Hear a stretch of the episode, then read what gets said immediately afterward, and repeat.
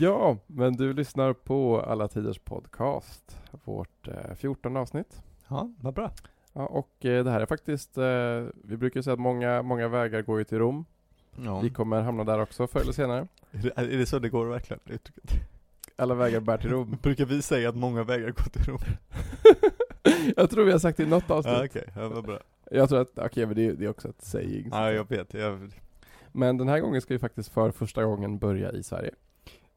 Ah, har vi inte gjort det någon gång? Nej, vi har inte haft ett enda svenskt ämne. Nej. Nej, se där så kosmopolitiska vi är. Ja, verkligen. Exakt. Så att eh, det är faktiskt eh, lite konstigt men, Det eh, är lite underligt. men idag ska vi faktiskt eh, vara i Sverige för ett litet stund i alla fall. Mm. Vi ska prata Trevligt. om eh, drottning Kristina, Just det. Just det. den eh, kända Det är monarken. kul. Monarker är kul. Vi gillar, vi gillar väl monarker. Ja. Det känns som att så här, hon behöver ju ingen, ingen så här eh, Nej. direkt Det här är ju prestation. en svenskspråkig podcast. Ni Ja. har väl alla gått i skolan? Ni vet väl vad drottning Kristina är? Ja, det, bo- det borde man göra. Annars kommer man lära sig la- lite av, om henne i alla fall. Ja. Lite kul kuriosa och sådär i alla Precis. fall. Men jag tänkte vi, vi borde väl börja prata om eh, så här, det svenska klimat som hon befinner sig i. För att hon, som man vet, hon är beröm- berömd för att hon av lite olika anledningar eh, konverterar till katolicismen Jo. från pros- protestantismen. Just det. Och då kan det vara bra lite grann att veta mm, Och vad är det? ja och varför, eh, ja, Var, vad var det då kanske? ja och hur såg Sverige ut vid den tiden och sådär. Just det. Hennes anledningar har ju lite med liksom, bildning och vetenskap och konst att göra och sånt där. Det har de ju verkligen. Ja, Mm. och eh, det är ju en quite a big eh, deal i, eh, i Sverige, det som händer. Oh ja, det är det ju verkligen. Ja, Hon, eh, ja, det går, ju- allt går ihop eftersom eh, den här religiösa frågan också hänger ihop med hennes ett ju. ja precis. Hon var ju eh, den sista Vasakungen. Hon var väl släkt med Karl X Gustav också? De har väl kusiner? Ja, men han, det är ju en annan ett. Ja, ja okej. Mm. Mm. Hon är ju den sista riktiga vasen. Liksom. Ja, ja, ja, visst det. Alltså, ja, visst det där det är i generation efter. så Ja, där, precis. Ja. ja, men det stämmer ju faktiskt. Men jag tänker vi ska ta tjuren vid hornen. Ja, gör det. Jag tror att det här är ett citat, eller referat. Vänta, innan vi börjar. Ska vi säga att vi, vi nämner boken vi pratar om? Ja, det kan vi göra. Alltså så att alla vet Ja. vad vi pratar om. För att det här samtalet kommer att utgå från en bok. Ja, Sven Stolpes eh, Kristina biografi. För att det vi pratar om nu kommer liksom kretsa runt den biografin. ja precis. Och Att liksom det, vi pratar specifikt om den väldigt mycket. Och eh, finns det väldigt mycket faktafel så är det Sven Stolpes faktafel och inte våra. Exakt. Precis. Men jag tycker vi ska ta tjuren vid hornen. Ja. Och jag tror det är ett citat eller referat av Sven Stolpe från den här biografin då. Ja, vad bra. Mm. Att reformationen var en antiintellektuell politisk ekonomisk rörelse med resultatet av en katastrofal kulturell nedgång. Aj, aj, aj, aj, Det här måste aj. jag säga igen.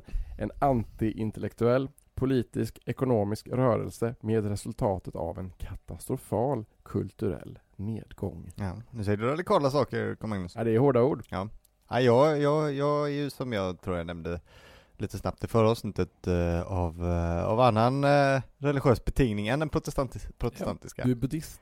Exakt. Nej, det är jag inte. Som Claes Malmberg. Som Claes Malmberg, exakt. det är väl det som är twisten här. Nej, men jag är ju eh, romersk-katolik så att jag, eh, jag tenderar ju att hålla med. Ja. Eh, Men, men det är ändå en eh, väldigt eh, ovanlig sak att höra. Jag skulle ändå säga att det finns eh, visst fog för det han säger ändå. Det är, Men, eh, jag, ville, jag ville bara brasklappa där så att alla vet att jag har liksom har Partisk. ett pa- bricka i spelet. men jag däremot är högst objektiv och Ja, exakt. eh, står här på ett eh, tredje ben. Jag vet- Eller jag är väl, jag är väl, uppe, jag är väl traditionellt protestant Ja, då, exakt. i brist Ja, på. precis. Ja. Så det kommer vara lite av Jag ett tänker krig att här. någon sitter där och säger bara, "Vi- vad- vad är det här för några jönsar som sitter och säger det här om Gustav Vasa? Men då, säger jag, då är jag prot- på protestantismens sida så vi kan ju ha ett litet 30-årigt krig här liksom. Härligt. Ja. Men eh, vid den här tiden då i alla fall, när reformationen sker, så har ju kyrkan, har ju, tror jag, typ en femtedel av alla gårdar i landet. Mm. Den var också skattebefriad och ägde massa slott. Just det. Och eh, som de flesta kanske vet så Gustav Vasa gillade ju inte präster och han gillade inte biskopar. Nej, Och, han, Nej, det gjorde han ville, verkligen och han ville liksom berika sig, göra en rik krona. ja, han var ju i skuld också. Ute, Ja, till över Lübeck. sitt, ja, exakt. Ö, långt över sin rumpa. Så. Ja. Men, men han lyckas ju ganska väl. Jag tror att Herman Lindqvist skriver att eh, ingen kung, vare sig före eller efter, har haft så stor privatförmögenhet som Gustav Vasa hade. Alltså, Säger Herman Lindqvist i alla fall. ja. Alltså att han skulle vara den rikaste kungen vi någonsin haft i Shit. Sverige. Ja, det är coolt. Ja, han nog konfiskerade ju mycket grejer alltså. Men alltså det är ju, det är ju rätt maffigt liksom. Ja, det är rätt maffigt. Ja, verkligen. Och eh, i, eh, i herr Eskils gemak var det va? Eller? Ja. Det är väl där han gömde allt Just silver va? det, Eller hans just det. skattkammare. Ja. Det, är sånt där, det är sånt där begrepp som jag minns väldigt tydligt Ja. från mellanstadiet. Det här Ja. Mm. herr Eskils gemak. Ja, det är ett väldigt roligt ord. Men, ehm, och när då Gustav Vasa genomförde den här eh, reformationen då till protestantismen Just det. så fanns det ju liksom ingen rörelse egentligen i Sverige för p- protestantismen. Det fanns Nej. ingen rörelse mot katolicismen i Sverige. Det brann inga kättarbål. Prästerna var ofta bönder som odlade sin jord och tog hand om sin kyrka. Och ändå var Svenska kyrkan den första att bryta med eh, påven. Ja, det är väldigt så här, alltså så, ehm, Fast ingen När är hade det ta- Sverige alltså, går- eh, nä- går nästan ut ingen med? hade ju hade hört talas om Martin Luther eller kunde läsa eller nej, skriva. nej, nej, men när är det Sverige, när är det Sverige bryter sig ut? Det är 1523 ungefär, jag kommer inte ihåg. Mm, det är ju då Gustav Vasa kröns. Ja, just det, ja, det är några år senare. 1527-29 Ja, någonstans just det. väl? eller- Ja, i alla fall, det, det är ju, vi pratar i alla fall om en rörelse som är tio år Ja, ungefär. Sen, alltså sen Wittgen, eh, Wittenberg. Wi- Wittenberg, fan jag får nästan säga Wittgenstein. Exakt. Väldigt art- Wittenberg. heter det. Väldigt artsy felsägning. Ja, Verkligen. Ja men eh, så att det, är ju, eh, det går ju rätt fort. Mm. Precis. Och det, det har väl kanske inte, det har ju inte så många religiösa anledningar till just Gustav Vasas. Nej, Han, han var ju inte särskilt religiös kanske. nej. Det finns en väldigt rolig detalj också som jag har plockat upp. Det är ju då att ehm, en av då reformationens stora namn, Ja. Olaus Petri, Just det. eller Olof Pettersson Mm. som han egentligen hette, han var alltså den första prästen att gifta sig offentligt. Jaha. Shit. Så att eh, det känns lite, det är ju lite roligt att han var med och genom, genomdrog så här eh, reformationen. Ja. Och sen var han väldigt snabb på att gifta sig när den väl var genomförd. Just det. Känns som att han hade så Mäster här- Olof var igång direkt alltså. ja, precis. Det är som att han, han- eventuellt kan ju han ha gjort det av väldigt egna skäl då, så att säga. Ja, visst. ja, jag har så dålig koll på honom förutom Strindbergs eh, liksom, Ja, det är väl eh, det kända. speciella version kanske. Ja, det är väl den kända.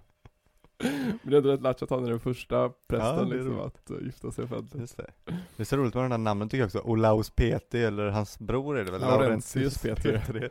Så bara är omskrivningar för Olof och Lars Pettersson. Här kommer Olle Pettersson. Olaus har jag ju sagt. Exakt. Olaus heter jag. Ingen jävla Olle. exakt, exakt så jag tänker mig. ja, det är kul. Men förutom att man då får gifta sig Ja. så fick ju ändå reformationen oerhörda konsekvenser för eh, kultur och vetenskap i Sverige.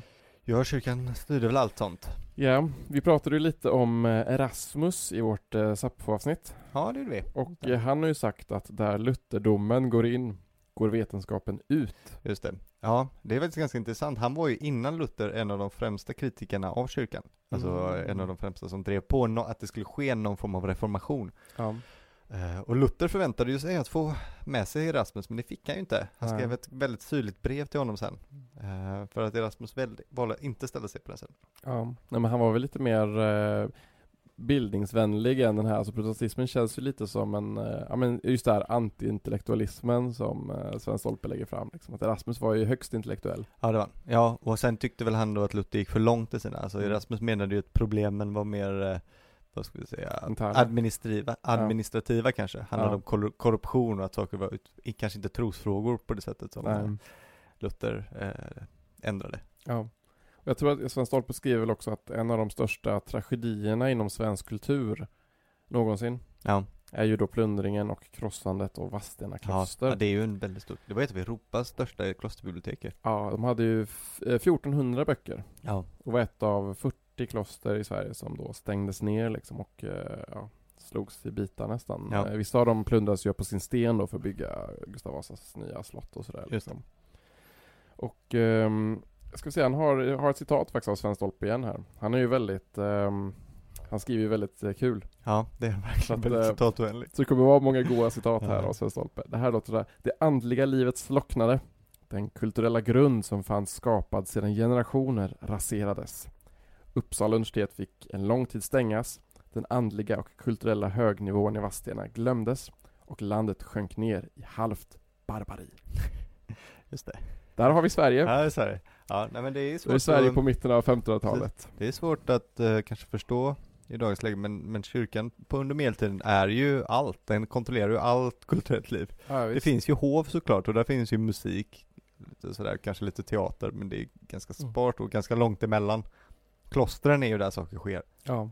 Alltså, men alltså, den, den otroliga setback som eh, sker i utbildningen är ju helt, eh, är ju helt alltså, sjuk. Alltså, Ja. De stänger ju ner Uppsala universitet. Ja, ja men det är ju en kyr- universiteten är ju kyrkliga Ja. instanser. Jag tror att enligt Sven Stolpe så öppnar eh, Uppsala universitet 1593. Ja, just det. Alltså då är det nedstängt i alltså 60-70 år och eh, alltså enligt Herman Lindqvist så kom det inte igång på allvar förrän på 1620-talet. Nej, Så alltså all undervisning låg i praktiken nere i alltså nästan 100 år.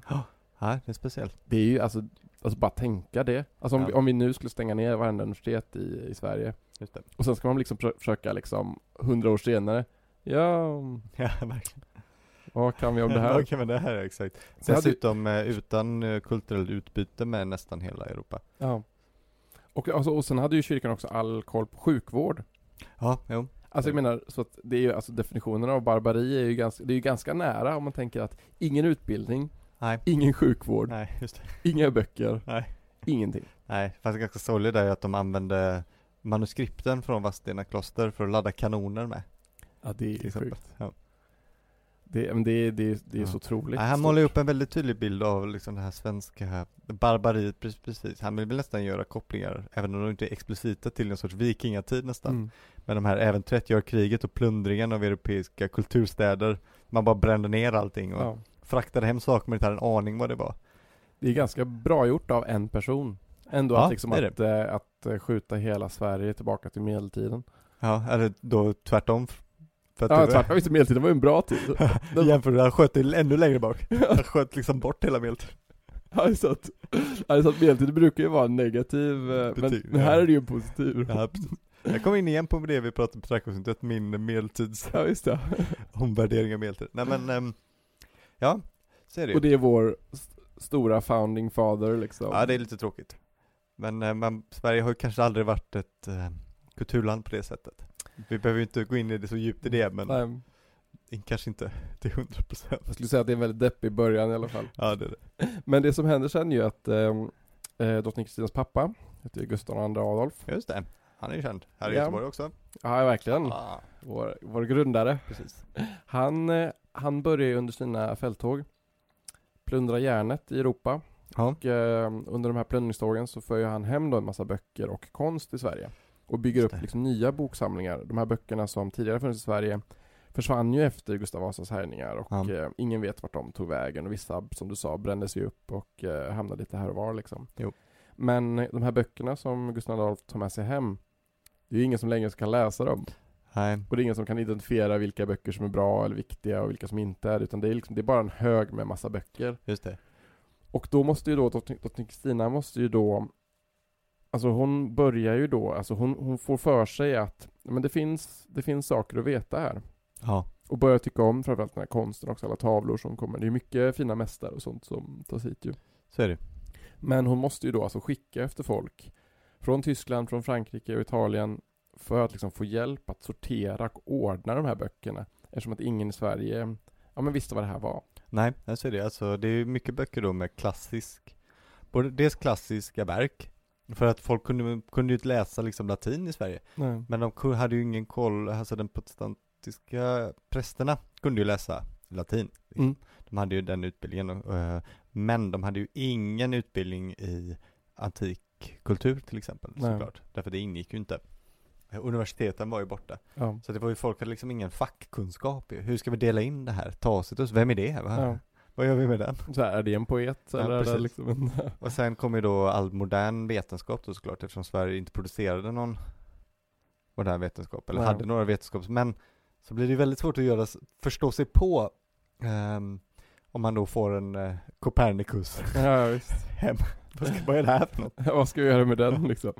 Och, eh, men hon, hon kommer ju ändå, hon gör ju ganska bra ifrån sig ändå. Ja, ja. alltså att just att starta upp det här kulturlivet i Sverige igen. Och hon försöker ju också starta flera svenska akademier. Ja, Alltså ganska långt innan Gustav III. jo, det glömmer man lätt men Ja. så är det. Och det verkar ju till och med ha varit en ganska trevliga akademier. Ja, jag tror att den Förut är första... till och med lite, nu kanske det du ska säga, var lite tidigare än den franska till och med. Oj, det, det är en bra fråga. Ja, Jag tror att den först, alltså hon försökte göra en akademi för svenska språkets odling. Just det. Och det var runt 1652 tror jag. Ja, ja, jag tror att det är lite tidigare än den franska faktiskt. men det är ju, det är ju väldigt tidigt, alltså, Ja. hi- alltså europeiskt m- mått mätt liksom. Men ja, sen, det är det. Sen fick det väl aldrig den, eh, den break som eh, Gustav III's akademi fick. eh. Nej. S- Nej. l- Saken var väl mer mogen då kanske. Mm.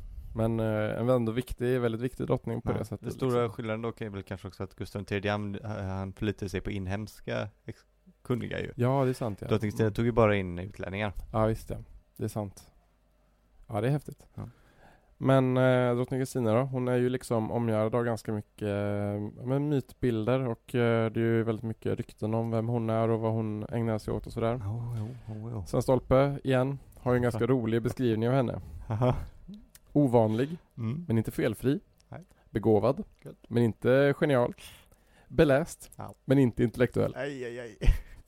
Ja, det är roligt. Alltså det här är ju ett citat också, det är inte, så att, Nej. jag, det är inte så att jag har plockat ut det. Det, här, det är så här han, st- han skriver liksom. Exakt. Han skriver väldigt roligt. Ja. Ja, nej men visst. Hon föddes då 8 december 1626 i Stockholm. En stad som på den tiden då hade 10 000 invånare ungefär. Ja, men inte så Nej, och eh, om vi ska liksom gå rätt på the stuff så att säga. Alltså Kristinas, e- hon har ju skrivit en egen självbiografi, eller, eller ett utkast till en självbiografi kan man säga. just det. Och där säger hon att hon föddes med en så kallad eh, segerhuva. eller någon form av just det. f- fosterhinna eller vad man ska kalla det. Ja. Eh, och att hon ska vara ett luden över kroppen, så kallat koafferad. Mm. Och eh, haft en grov och stark stämma. Just. Och att eh, när hon föddes så trodde folk att hon var en pojke. Ja. Att det var en prins som hade fötts. Och det här är alltså enligt henne själv, det här är hennes ord ju. Ja, det men det är det. Så att eh, det här är, det här är vad förstahands liksom, information om man ska kalla det. Ja. Och debatten om hennes anatomi då, och sexualitet är ju en väldigt infekterad debatt. Åh oh, ja, den är... Och det är klart att vi ska ge oss in i Det är den. klart vi ska. Vi, vi väjer ju inte för infekterade debatter. Så länge man kan hänvisa så här, kan man alltid dodga en del bullet. Det är alltid kul också. Man vill, Ja. ju, vara, man vill ju vara mitt i. Ja. Och sen Stolpe då, han är ju ganska känd för att han lägger fram en eh, teori då som kommer från en annan, en annan bok. Ja. Som är en bok från 1937 av en professor i gynekologi. Mm. Så 1937. Ja. Så en ganska gammal gynekolog. Ja. Och han heter då Elis Essen Möller. Ja. Och i den här, eh, i hans bok då, eh, det går ut på att eh, hon skulle ha varit en så kallad pseudohermafrodit. Enligt eh, Essen Möller. Ja. Och det, det innebär då alltså att man har eh, normala yttre genitalier men en, liksom en felaktig hormonsammansättning Just det. menar då han. Och eh, Sven Stolpe skriver då alltså att hon medicinskt sett skulle kunna haft en, eh, alltså en utstickande klitoris Ja. som då alltså, ja, men som sticker ut och eh, på sätt, på sätt och vis då hade kunnat få de här barnmorskorna att tro att det kanske var en snopp. Ja. Just det. Men att den här då liksom, eh, att det här är någonting som sen tillbakabildas Just För det. att, då, för att då se se ut som vanligt i- igen då liksom.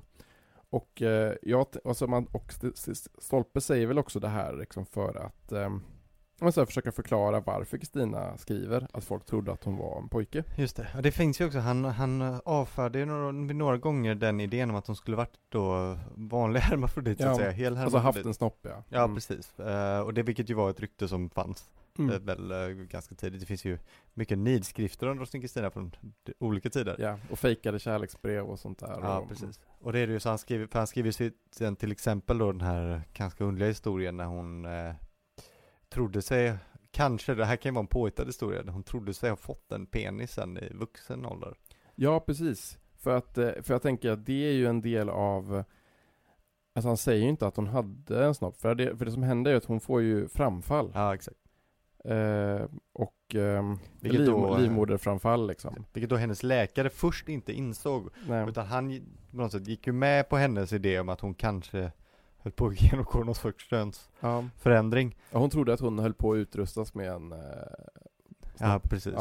Ja. Ehm, eh, vad är det han säger då, läkaren? Han ska ha fallit på knä och hälsat henne som uh, Var hälsad Sven, svensk, Svenas konung. Liksom sådär, och det var väl kanske lite önskedröm. ja. Men, eh, men då blir det i alla fall, då, men då går han in i den att hon har ju uppenbarligen livmoder och är Ja. därför uppenbarligen en Anatomisk helt kvinna. vanlig kvinna liksom. ja. Och han skriver också att anledningen att, Sven Stolpe skriver då att anledningen att de var så osäkra, det är ju för att, eh, alltså det här är någonting som ändå kan hända när man är 50-årsåldern, men att det kan se lite annorlunda ut om man är då en virgo, Just det, så att precis. säga, en, eh, en oskuld då, Ja. som, för det finns ju inga, det finns ju inga belägg att, eh, faktiskt att Kristina haft några kärleksförbindelser överhuvudtaget Nej, egentligen. Nej det, det verkar ju till och med verk- väldigt tydligt att hon inte hade det. Ja. Men där skriver ändå Sven, alltså Svenska jag tycker det är ändå ganska tydligt då att, eh, att, så här, men att hon anatomiskt då var Ja, en kvinna liksom. precis. Men, men liksom, han har ju fått en hel del kritik för det här. Oh, ja. Och eh, en av de som var kritiserad är ju Horace Engdahl. ja, Horace. Ja, Horace är framme. ja han, Det för han, sk- verkar- han skriver då så här, jag tyckte att det är ganska intressant citat där. Han Ja. skriver i förordet då till eh, Kristinas Maximer. Ja, som han har översatt eller? Eh, Ja, precis. Och som Svenska Akademin har gett ut. Han skriver då att eh, den här gynekologen då som vi nämnde, att hans tanke fördes vidare och populariserades av Sven Stolpe i dennes Kristina-forskningar. Just det. Stolpe var påverkad av sin tids intresse för omedvetna själsförlopp Mhm. och för sambandet mellan erotiska egendomligheter och infantila störningar. Ja, okej. Vilket fick honom att pådyvla Kristina en sexualneuros som skulle haft sin grund i hennes iakttagelser av egna fysiska avvikelser. Nu, Stolpes argumentation fick, den fantastiska, kon- fick de fantastiska konsekvenserna att man beslöt undersöka Kristinas kvarlevor för att Just kontrollera om hon verkligen var ett fruntimmer. det. Mm. Gravöppningen skedde 1965 under ledning av Karl Herman Hjortsjö. Drottningens skelett tycktes emellertid utvisa att hon hade varit, varit en fullt normal kvinna. Ja. Det är sådant som kallas riktig forskning. Just det. Ja, han är syrlig. Ja, det är sådant som kallas riktig forskning. Jag tycker håret slår, slår ett slag för empirin här, Ja. för positivismen. Verkligen. Ja, det är ju bara att kolla på benen om... Ja, exakt. om- men, men det som, liksom, det som jag tycker är lite märkligt bara är att, liksom att, ehm, att det skulle vara Sven Stolpes resonemang som har lett till, fram till en gravöppning. Ja, ja, det är ju konstigt faktiskt. Eftersom han säger ju att det som i så fall kan ha funnits tillbakabildades och liksom att hon fick det här livmoderframfallet så han kan ju uppenbarligen inte ha trott att hon var en Alltså Nej, att hon hade nej, en snopp tvärtom. eller liksom Han- någon slags han- manlig anatomi. Det, Ja, precis. det menar han ju inte. Nej, han talar ju till och med, han säger ju uttryckligen att det inte är så. Ja, Faktiskt. att han, Ja, kanske det är inte lite- har, han kanske inte har läst boken på länge. Nej, nej man kan ju kritisera Sven Stolpe för, för ganska många delar i hans eh, Kristina-framställning. Ja, Vilket självklart. vi kanske kan göra lite också, det kan vara kul. Och även det här är ju inte, han lägger ju sådär lite vikt med det, men men det, är ju inte, det har ju inget att göra med gravöppningen. Nej, vilket ju i precis. sig jag tycker är en otroligt underlig det är ju, det är ju, det är ju en eller en sinnessjuk sak händelse att med- göra. Det är, alltså, det är ju det är ju bortom all liksom. Ja precis, men det är ju verkligen inte Sven Stolpes fel. Så Alltså, där kan, det tycker jag ändå, vi- där kan vi ändå fria honom. Ja. Men då, 65, alltså när kom, det är- den, när kom den här biografin Nu då? ska vi titta, jag har den på mig här. Har du det? Ja, Vänta, nu ska för vi att, titta. eh, Pausa medan, ska vi klippa bort det här? ja, det blir bra. Pular. Eh, den kom, 1960 Liksom är copyrighten ja. ja. ja, 1960, ja, Ja. men då är det möjligt. 1960 kom då ja, hans, eh, så att det, ja, det är väl helt, helt möjligt liksom. Men jag tycker liksom så här, vi, självklart är ju Sven Stolpes skildring färd av hans tid och att Oh det är ja, också en det är tid klart. som, de böcker som kom då är väl kanske eh, mer färgade av sin tid än vad man egentligen tycker att det ska vara. Det var en väldigt eh, färgande tid kanske. Ja, men jag tycker också att Horace Engdahls läsning av Kristina är också färgad av framförallt i motstånd mot vår tid. Ja okej, det är ju intressant. Alltså, och det, det är också beroende av så att säga, den tid man lever i, alltså Ja, om man jo. tar motstånd liksom. Och, Absolut. och den är ganska typisk honom tycker jag också. Ja, okej. Alltså han skriver ju att det, det finns inget som tyder på att hon skulle ha varit queer, som han säger, han som använder ordet queer. som- Och det stämmer ju, för det finns ju, det finns ju inget belägg för att hon skulle ha haft sexuella förbindelser med en kvinna. Nej, nej det gör det inte. Eftersom det inte finns några belägg för att hon skulle ha haft det överhuvudtaget. Nej precis, ja, det faller ju Sven på- Stolpe skriver ju att ingen man någonsin varit intresserad av henne som kvinna. det, är ju elakt. Det, det är så... det var väl också lite citat av henne själv i och för sig.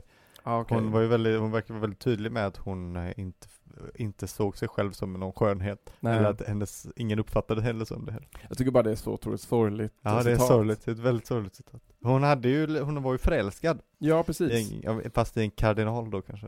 Ja, alltså det är, väl, det är väl det jag tänker också att eh, alltså, hon har ju skrivit om även sina frestelser, alltså sina kroppsliga, det har hon att, ju. hon, att hon var ju inte liksom okroppslig. Och, Asexuell på något nej, sätt. Nej, och hon skrev ju passionerade kärleksbrev till män som kardinal Azzolino, just det. eh, Magnus Gabriel de Lagardi och Karl X Gustav. Just det.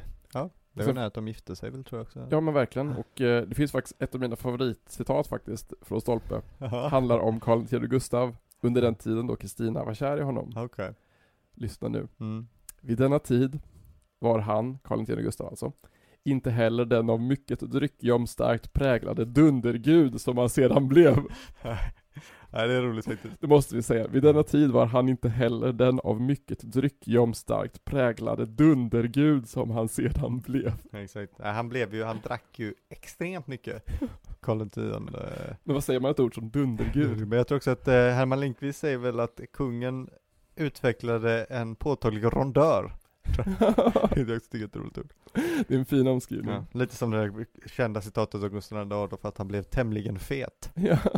som eh, sen fick eh, men men Horace, Horace Engdahl viftar liksom bort egentligen att eh, Kristina skulle ha liksom önskat födas till man. Ja, Och eh, han menar att hon skulle ha varit en totalt enskild individ som stod över allt som hade med manligt och kvinnligt att göra. Att hon är den hon är och att hon skulle ha varit likgiltig för det yttre och likgiltig för sexualiteten. ja det är underligt, och det stämmer ju, det, kän- det stämmer ju inte. Nej, Kan och, man ju- och, kan man liksom, ju säga. och om man ska liksom försöka förstå varför han gör det, så tänker jag att, liksom att Horace Engdahl i den här boken, han jobbar ju väldigt mycket för att lyfta fram hennes maximer då, som den här Ja. boken handlar om. Just det. Och som Sven Stolpe egentligen inte ger så jättemycket för. Nej, nej kan man inte säga.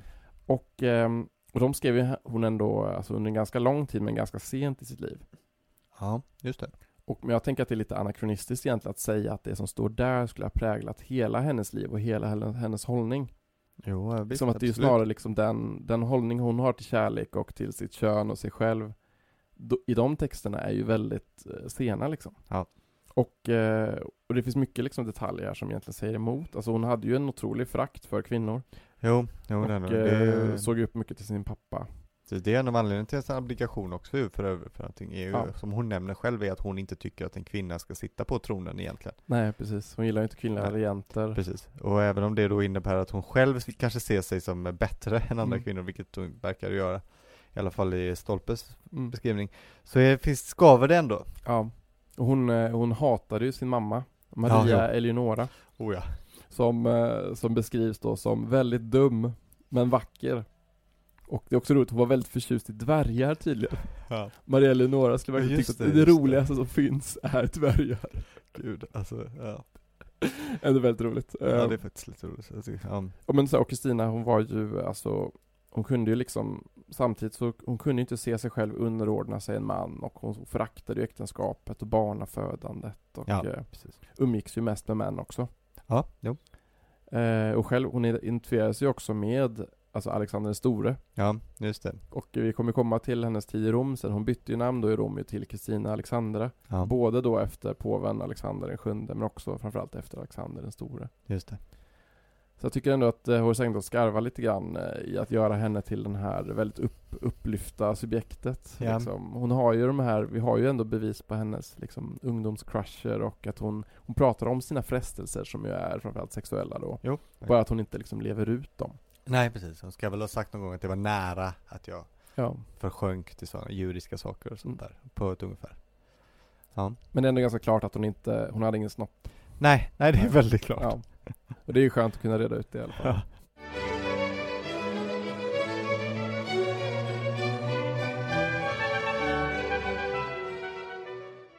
Men, ehm, ja men det, det andra stora i hennes liv är ju såklart hennes konvertering. Ja, det får man väl säga. Det är ju Som en stor hon- grej och abdikation är ju inget som sker var, varann, varann, varannan dag. Nej det är det verkligen inte.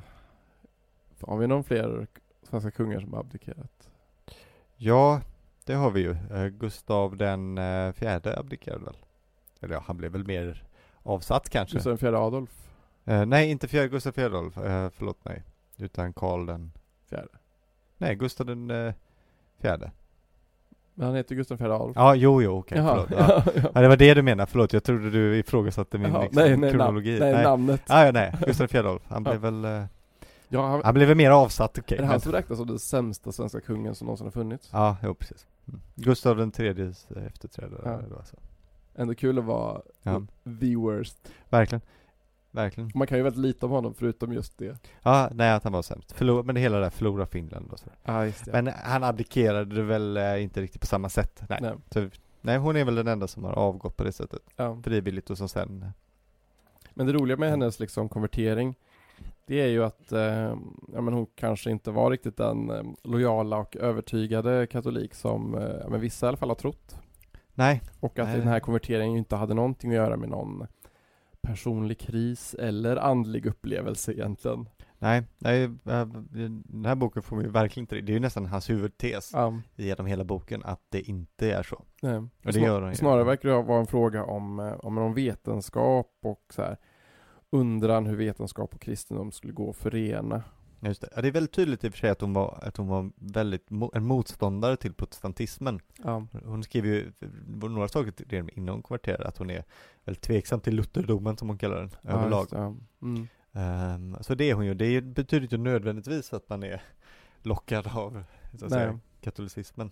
Gräset är handlar ju alltid om- grönare. Nej, precis. Det har att göra med hennes ehm, upplevelse av, av eh, protestantismen som inskränkt till exempel och, och småaktig. typ. tycker Ja, jag. och i Sverige hade det ju också, fanns det ju inget liksom, kulturellt eller vetenskapligt eh, liv på det sätt heller. Liksom att de som, de som hade det var ju katoliker Ja, precis. från, från Just det. Frankrike och sådär. eh.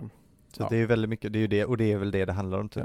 Hon vill ju fly från Sverige. Ja, Helt- ja, men så är det- det. Hon vill ju bara bort egentligen. Verkligen. Och eh, ja, men så här, ja, hade ett behov av sanning och klarhet som det dumma Sverige inte kunde ge henne. Så att säga. Precis. Och eh, framförallt var hon ju inspirerad då av så kallade franska katolska libertiner. Ja, i Stockholm som ju då var alltså lite av fritänkare i fråga om ja, men både religion och vetenskap. ja, verkligen. Och en av dem var ju Magnus Gabriel de la Gardie, som Ja. jag är döpt efter. Just det. Karl Magnus Gabriel. Han var ju typ- inte katolik då, men Var han inte? nej. Nej. Nej det var han inte. Va? Nej. Bam. Han hade bara spenderat, han spenderade mycket tid i Frankrike ju och växte upp där och var väldigt eh, stöpt i fransk kultur. Jaha. Men nej det var, det var han tyvärr inte. Ja men fuck. Ah, ja. Förlåt, var inte meningen Nej men det var väl den, men- tur att du sa det, så att jag står här och pratar massa skit. Ja, Han skrev massa psalmer faktiskt. Ja. Mm. Han blev... Hon var ju lite betuttad i honom i alla fall. Ja, jo, absolut. Men han beskrivs ju som landet Sveriges enda fullfjädrade europeiska kavaljer. Ja, Skolad i fransk hövisk etikett. ja fint. får du bära med dig. Ja. Kommer med namnet säkert. Ja, eller hur, eller hur? Och eh, han var ju liksom en, men en, ny, en ny typ av eh, kulturman i Just det. Sverige kan man säga. Precis. Som inte hade funnits innan. Nej. Nej. nej. Alltså, ordet kulturman känns så negativt konnoterat. Det känns negativt. Cl- Reclaim, Ja. Det franska höviska idealet. det är det vi gör här. Ja, exakt. Det är det här, vår, vårt eh, uppdrag. Dessa salagslejon. Exakt. Vi ska återta kulturman. nej. Nej, det ska jag absolut inte göra. nej, men ehm, ja, nej men det fanns ju många, hon bjöd ju in de här ma- libertinerna då, Mm. säger man väl. Ja. Eh, Och vilket ju är, det det är ett ord som har olika konnotationer och olika tider ju. Ja, Jag, men jag tänker ju snabbt på Marquis de Sade och Ja. hans, de kallas ju också för libertiner. Men mm. Men det är alltså hundra år senare. eh, Det är hundra år senare. Ja. De här är inte riktigt så, så lib- liberala. Nej. Att, att kalla Marcus och Sand liberal är ju väldigt så här en, Det är Fin- väl ändå... en fin eufemism han är ju också. knappast konservativ. så- Nej. Något ska han ju vara. Ja, exakt. Nej, det är en fin eufemism. faktiskt. Det är för att de skriver det i Juliette hela tiden, den Ja. boken. Libertinerna. Ja, visst. Men alltså, men tidigare då, alltså tidigare var det ju förbjudet att vara katolik i Sverige ju. Ja, Och eh, Gust- hennes pappa och Gustav II Adolf avrättade ju en hel drös ju. det var ju fortfarande o- inte tillåtet att, att bli katolik i Sverige. Nej, nej, Det nej. var ju bara tillåtet att komma till Sverige om du var katolik. Ja, okej. Från och med Kristina. Eh, ja, precis. Jag tror att hon, hon införde ju också, innan dess var det ju förbjudet också att studera vid katolska universitet oavsett Just det. vem du var. Just det. Men hon ändrade ju på det så att det var förbjudet för teologer att studera vid katolska universitet. Ja. För hon vill ju både ha katoliker och kalvinister omkring sig. Ja, kalvinisterna var ju också förbjudna i Sverige Ja. ofta. Inte alltid, men sådär, men de var inte heller populära. Nej. Jag är inte riktigt jätte... Jo vänta, just det, ja, Calvin ja. Men det är väldigt strängt. Jag visste, men han har ju den där teorin ju som, eh, som USA gillar. Att, eh, Predestinationen och... ja men typ, nej men att, eh, att eh, rikedom är eh, en, en, jord, eller vad säger, en jordslig belöning från Gud, f- väl? Ja precis, det är ju det, det, är ju det här som Att Max alla Weber... förtjänar att vara rika. Exakt. Det är det Max Weber bygger sin idé om protestantismen och kapitalismen att höra just det. med. Det här att, eh, att eh, eh, Calvins idé, nu ska vi inte gå in på det för länge, är ju att eh, predestinationen, alltså att folk är redan innan utvalda av- till frälsning. Ah, okej. Och det visar sig eh, via ens driftighet till exempel. Det är egentligen Ah. inte pengar som så, men det har att göra med liksom, ja, delvis då att du är en framgångsrik person, men också en driftig person och inte en sådär lat. Ah, alltså. okej, mm. Och det här, ja, ja precis. Jag vet att jag tror att det finns någon bok av Peter Singer som jag har läst. Hur skulle du le- leva ditt liv? Ja. Han drar mycket växlar på USA och kalvinismen och Just sånt där. det. och- Ja men det har ju varit en väldigt, det fick ju väldigt starkt fäste i Skottland till exempel. Mm. Påverkade ju många av dem. Och, och de, även de eh, då pilgrimerna som de kallas, de puritaner som sen flydde England för eh, Plymouth Rock och Thanksgiving och The Mayflower ja, och ja, allt det ja. där. Det är ju, det är ju den skolan. Okej. Men eh, de här då liksom, Drottning Kristina blev ju väldigt inspirerad av just de här eh, ja, libertinernas tankefrihet. Ja. Och, eh, och såklart att hon tilltalas väl säkert också av katolicismens kult av eh, jungfrun och eh, celibatet som hon eh, levde efter. Att Ja, de var precis. väldigt, eh, Det var ju tacksamt. det funkar väldigt bra ihop med hennes, eh, hennes Ja. persona. Ja, precis. Men, eh, men det är ganska roligt att när hon sen flyttar till Romeo så, så visar det sig att hon inte, eller då visar det sig allra tydligast att hon inte att, eh, ja, men det är lite ironiskt snarare att när hon väl kommer till Rom så är det ju inte en större tolerans där. Nej, För nej, det är ju inte alla, det. alla libertiner har ju, alltså de, den typ av katoliker som hon egentligen har hängt med mest, alla de är ju förvisade därifrån. Ja. ja, det är ju en anledning till att de är i Stockholm. De har ju inte åkt dit om de hade kunnat stanna i Rom. Nej, precis, hon, men hon tror väl att alla är så. Ja, liksom. jo lite tror jag det. Hon har också fått det intrycket lite väl av de eh, missionärer som har skickats.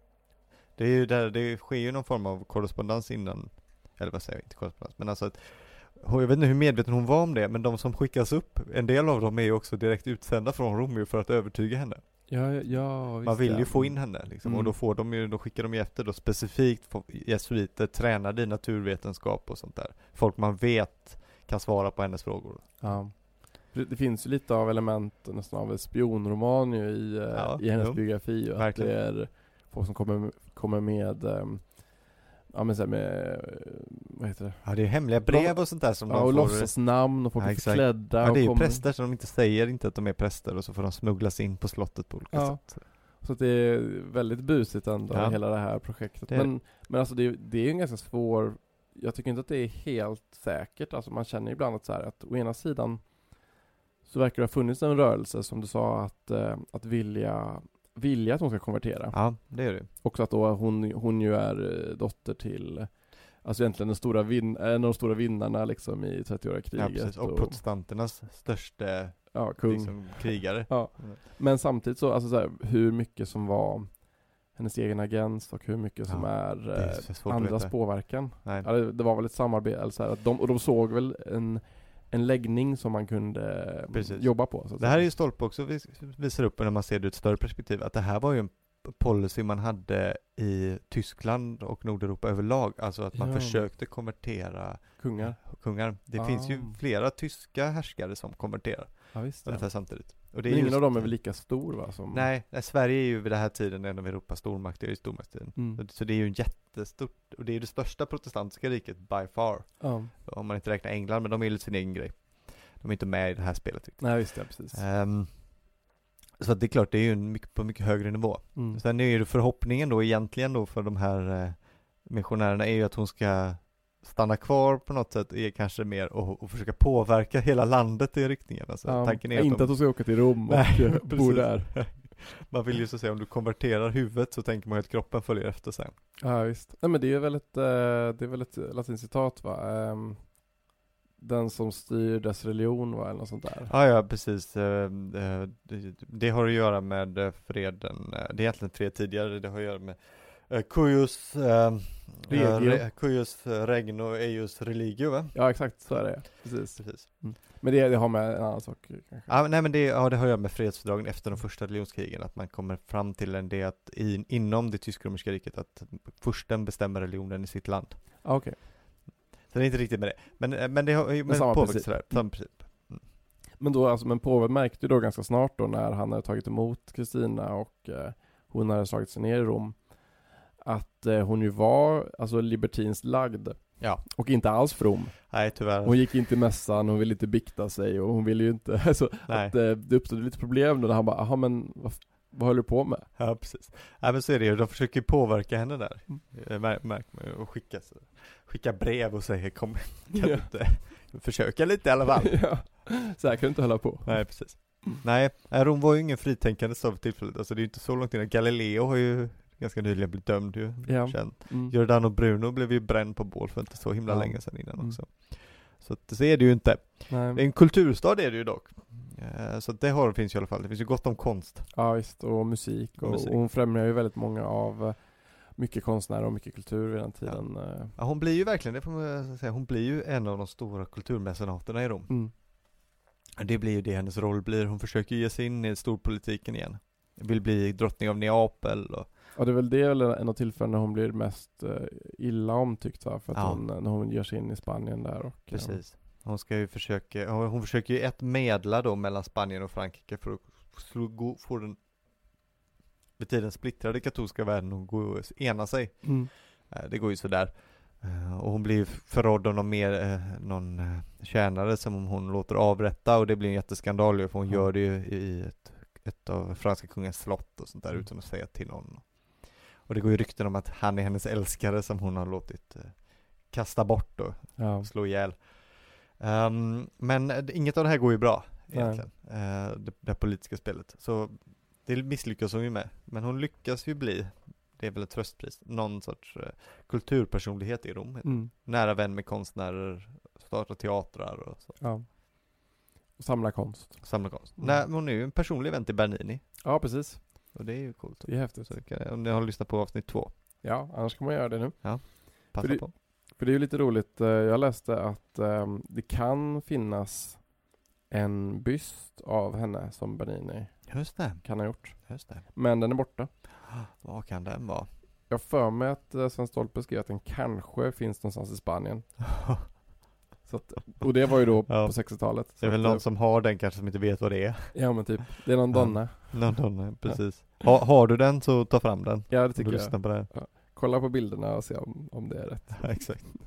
Men det är väldigt roligt, alltså Sven Stolpe hatar ju den här tiden i Rom. Ja, Den tid som eh, vi har ju suttit och pratat så mycket gott om Ja, jag och vet. eh, appat här i, jag vet inte hur Verkligen. många avsnitt. nej.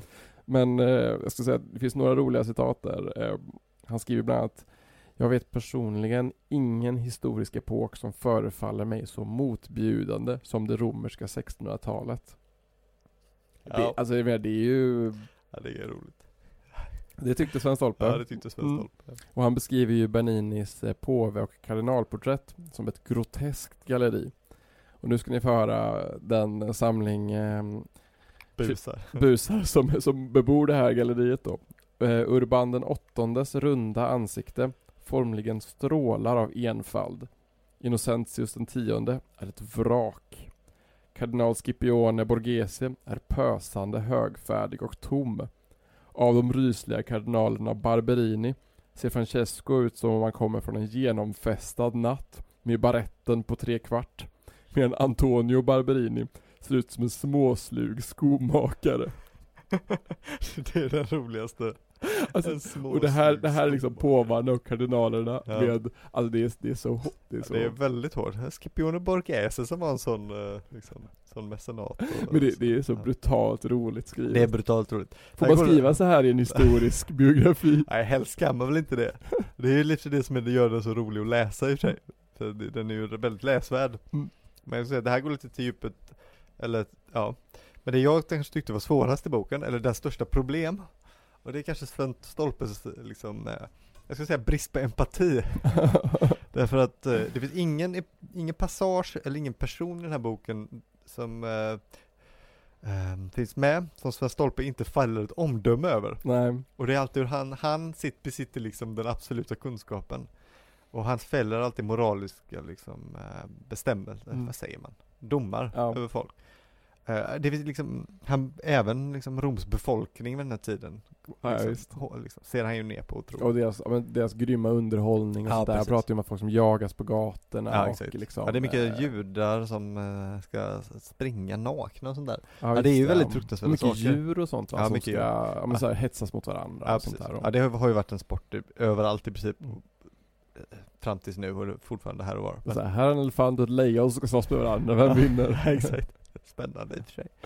Men även Ehm, Maria Eleonora gillade ju att se eh, dvärgar springa runt Jaha, i precis. Stockholm. Exakt.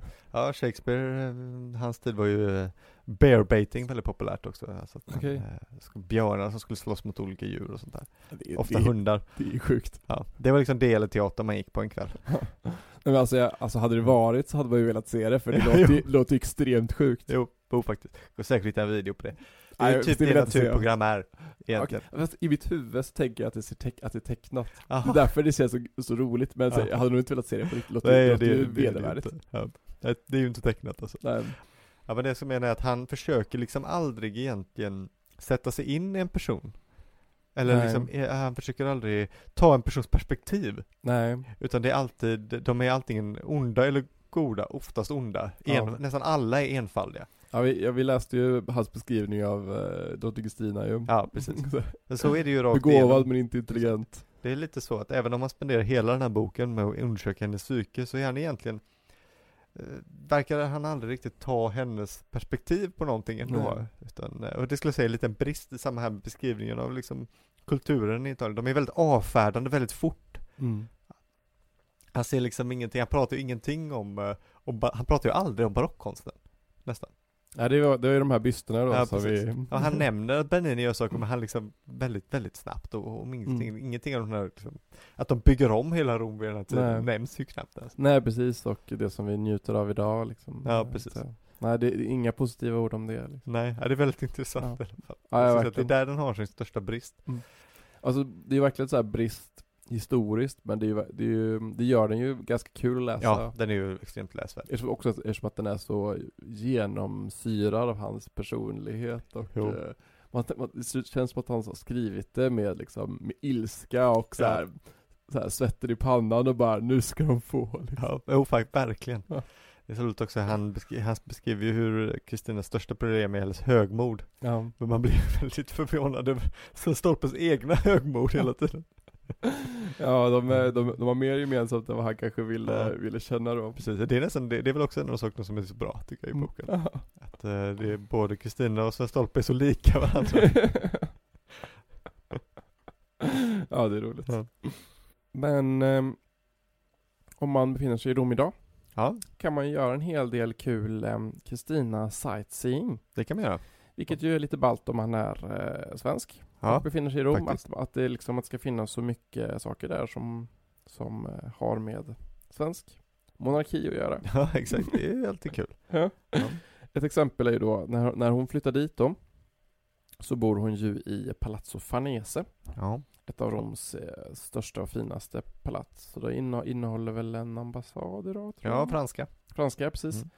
Jag eh, försökte ju komma in där eh, förra gången jag var Ja. där, men jag hade ju glömt det här att man måste boka biljett då, eh, Ja. typ flera dagar om inte veckor innan. Okej.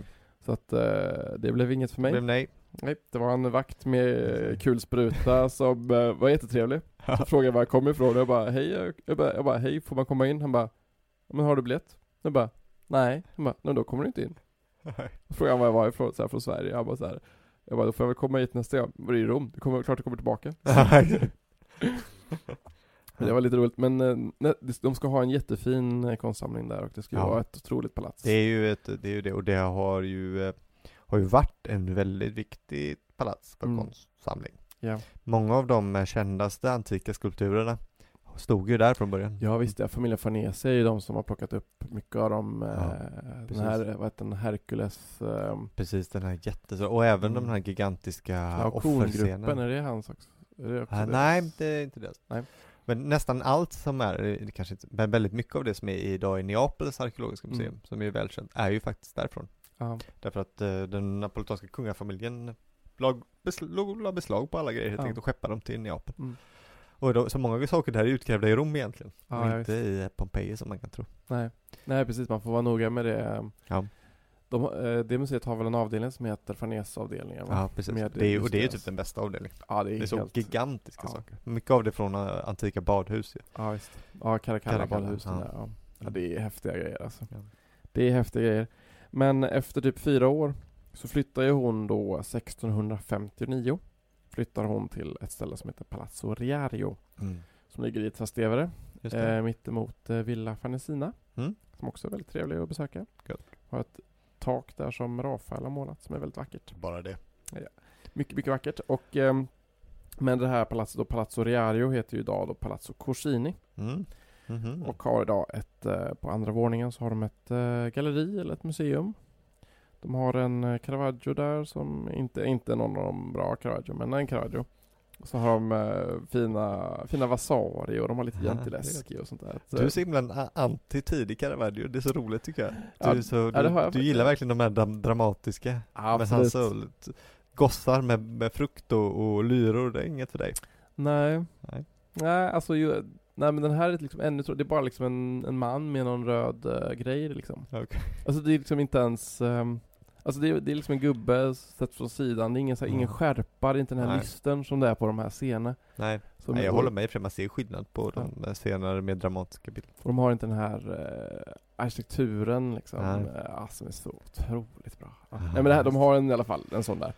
Men i, denna, i detta museum så finns den sal där Kristina dog. Ah, Alltså att man, de, man vet exakt vilket rum hon dog i och den finns i det här museet. det är Och så har de satt upp ett litet plakat där det står liksom här dog eh, eh, Rex, nej vad säger jag, Re- Regina, Regina, Kristina, just liksom det. något sånt där liksom. Och det är rätt häftigt att ändå vara i exakt det rummet där. eh, Och många av de tavlorna är ju de som har varit där. Ja. Och eh, det är rätt häftigt att ändå känna att ja, här, ja, det är coolt. här gick drottning Kristina Det är och här väldigt dog coolt. hon. Liksom. Ja, väldigt- det är faktiskt, eh, men det första du tar också Farnese, där finns nu precis bredvid en liten svensk koppling också, därför att eh, Birgitta klostret ligger bredvid där. Jaha, Där eh, Birgittinerna, alltså Birgittorden, håller till.